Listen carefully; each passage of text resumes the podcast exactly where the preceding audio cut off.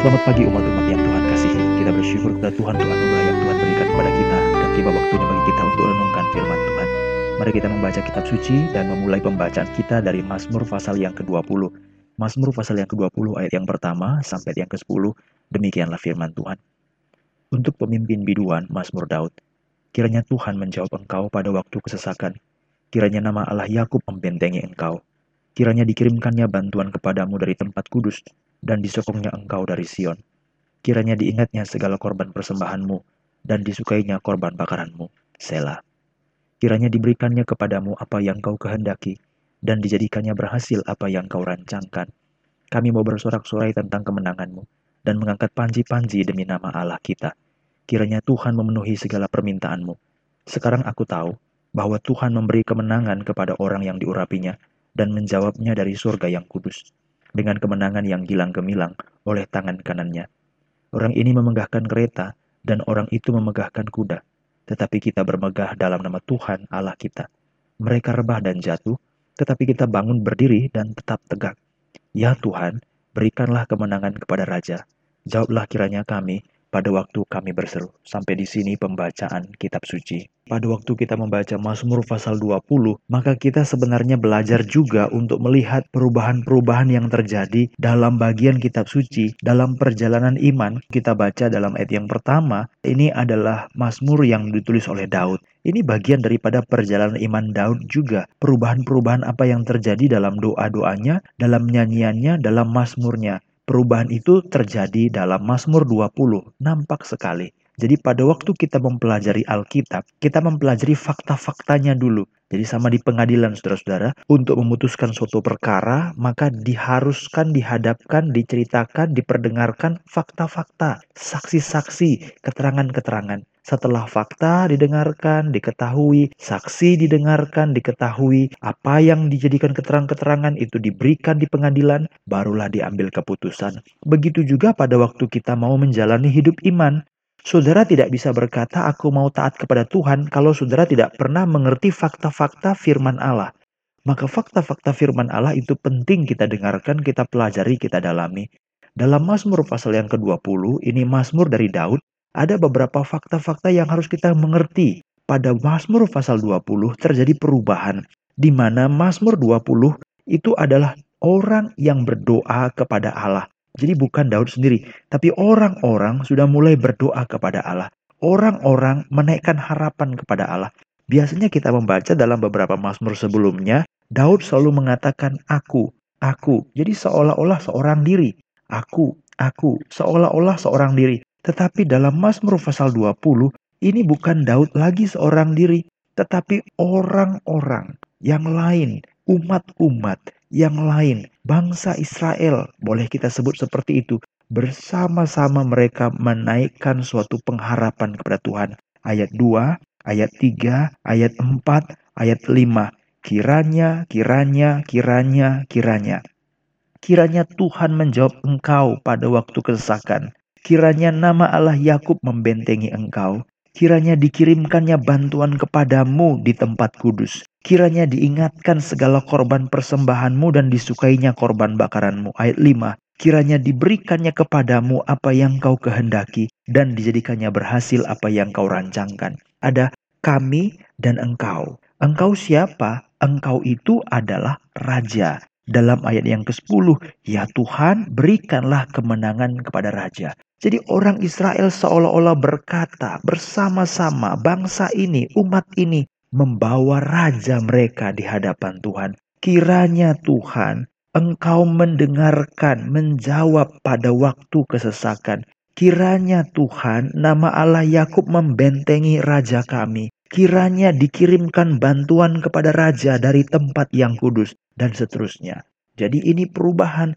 Biasanya Daud sendiri yang berdoa, tapi sekarang Daud bersama-sama dengan umat Tuhan apa yang menjadi hal perubahan penting yang perlu kita ingat dalam hal ini? Ini keberhasilan. Memang seorang raja adalah orang yang memiliki tugas dalam pundaknya ada beban supaya membawa umat, membawa bangsa itu takut kepada Allah.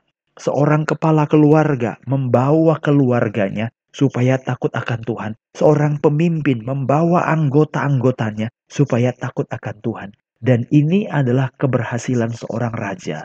Dan raja ini adalah raja yang takut akan Tuhan. Memang biasanya dalam Alkitab, jika raja itu menyembah berhala, maka semua bangsa itu akan menyembah berhala. Jika satu raja hidup fasik, maka semua rakyat itu hidup fasik. Tuhan memberikan aturan dalam ulangan pasal 17 ayat 18 sampai 20 bahwa raja harus terus memegang perintah Tuhan, hukum Tuhan, hidup sesuai dengan perintah Tuhan, hukum Tuhan, memerintah di antara saudara-saudaranya dengan firman Tuhan, dengan Taurat Tuhan, dengan hukum Tuhan. Jadi kalau raja takut akan Tuhan, maka seluruh bangsa, seluruh rakyat pula akan takut akan Tuhan. Itu semua cerita Alkitab. Dalam kitab Raja-Raja diceritakan raja silih berganti. Raja ini takut akan Tuhan, maka semua orang rakyatnya takut akan Tuhan. Rajanya menyembah berhala, meninggalkan Tuhan, maka semua rakyat juga meninggalkan Tuhan. Jadi ini beban dalam pundak saudara. Jika engkau hidup dalam rumah tangga di mana suamimu tidak takut akan Tuhan, engkau harus memikul beban dua kali lipat. Mintalah kekuatan daripada Tuhan supaya engkau dapat menjalankan tugas ini. Jika pemimpinmu tidak takut kepada Tuhan, engkau punya tugas dua kali lipat. Mintalah kekuatan supaya engkau diberikan Tuhan kemampuan untuk membawa orang-orang yang engkau kenal. Engkau punya akses, engkau punya kuasa kepada mereka supaya takut akan Tuhan. Jadi dalam Mazmur pasal 20 perubahan ini yang terjadi. Doa ini bukan dari Daud lagi seorang diri, tapi doa ini dari seluruh rakyat, dari seluruh bangsa. Daud menjadi raja yang berhasil. Dalam ayat Alkitab dikatakan, kiranya Tuhan menjawab engkau. Siapa engkau? Raja. Siapa engkau? Dalam pasal 20 ayat yang ketujuh, orang yang diurapi. Jadi raja itu memang diurapi. Dan kita bisa melihat bahwa Alkitab selalu berbicara nubuatan tentang Kristus. Kristus Mesias yang diurapi. Kristus yang diurapi. Untuk menebus, untuk menyucikan, untuk mati di kayu salib. Membuat kita menerima, memperoleh keselamatan. Tuhan memberi kemenangan kepada Kristus, kepada Mesias. Itu sebabnya pemberitaan Injil tidak akan mungkin gagal. Secara manusia mungkin gagal. Secara manusia mungkin jalan buntu. Tapi jika terus dikerjakan sesuai dengan sabda Tuhan dengan firman Allah, Injil tidak akan gagal.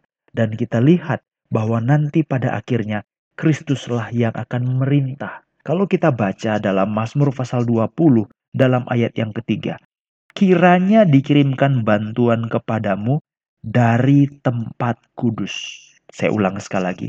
Kiranya dikirimkan bantuan kepadamu dari tempat kudus dan disokongnya engkau dari Sion. Bahwa Injil akan berhasil dan Tuhan akan memerintah atas seluruh bumi. Hal yang sama sebenarnya terjadi dalam pasal 20 ayat yang ketiga. Kepada raja kiranya dikirimkan bantuan dari tempat kudus. Waktu Alkitab berbicara tempat kudus, ada istilah asli Alkitab. Tapi dalam bahasa Indonesia sama ya, tempat kudus.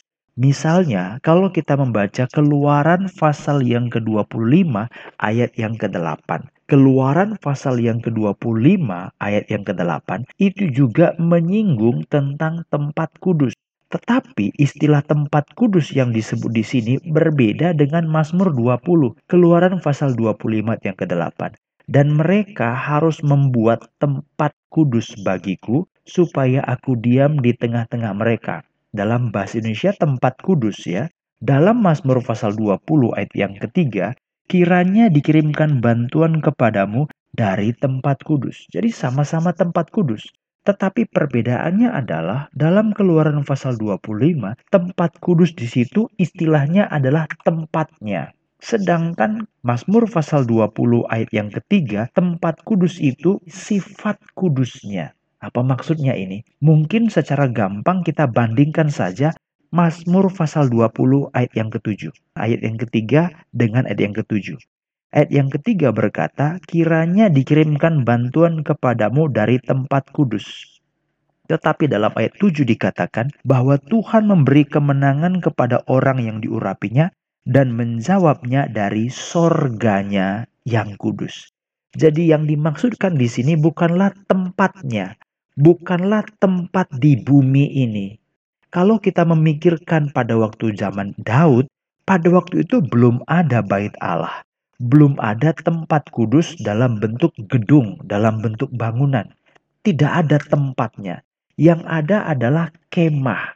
Itu sebabnya pada waktu kita membaca Mazmur 20, kita melihat bahwa orang-orang mengharapkan kekuatan bukan dari tempatnya.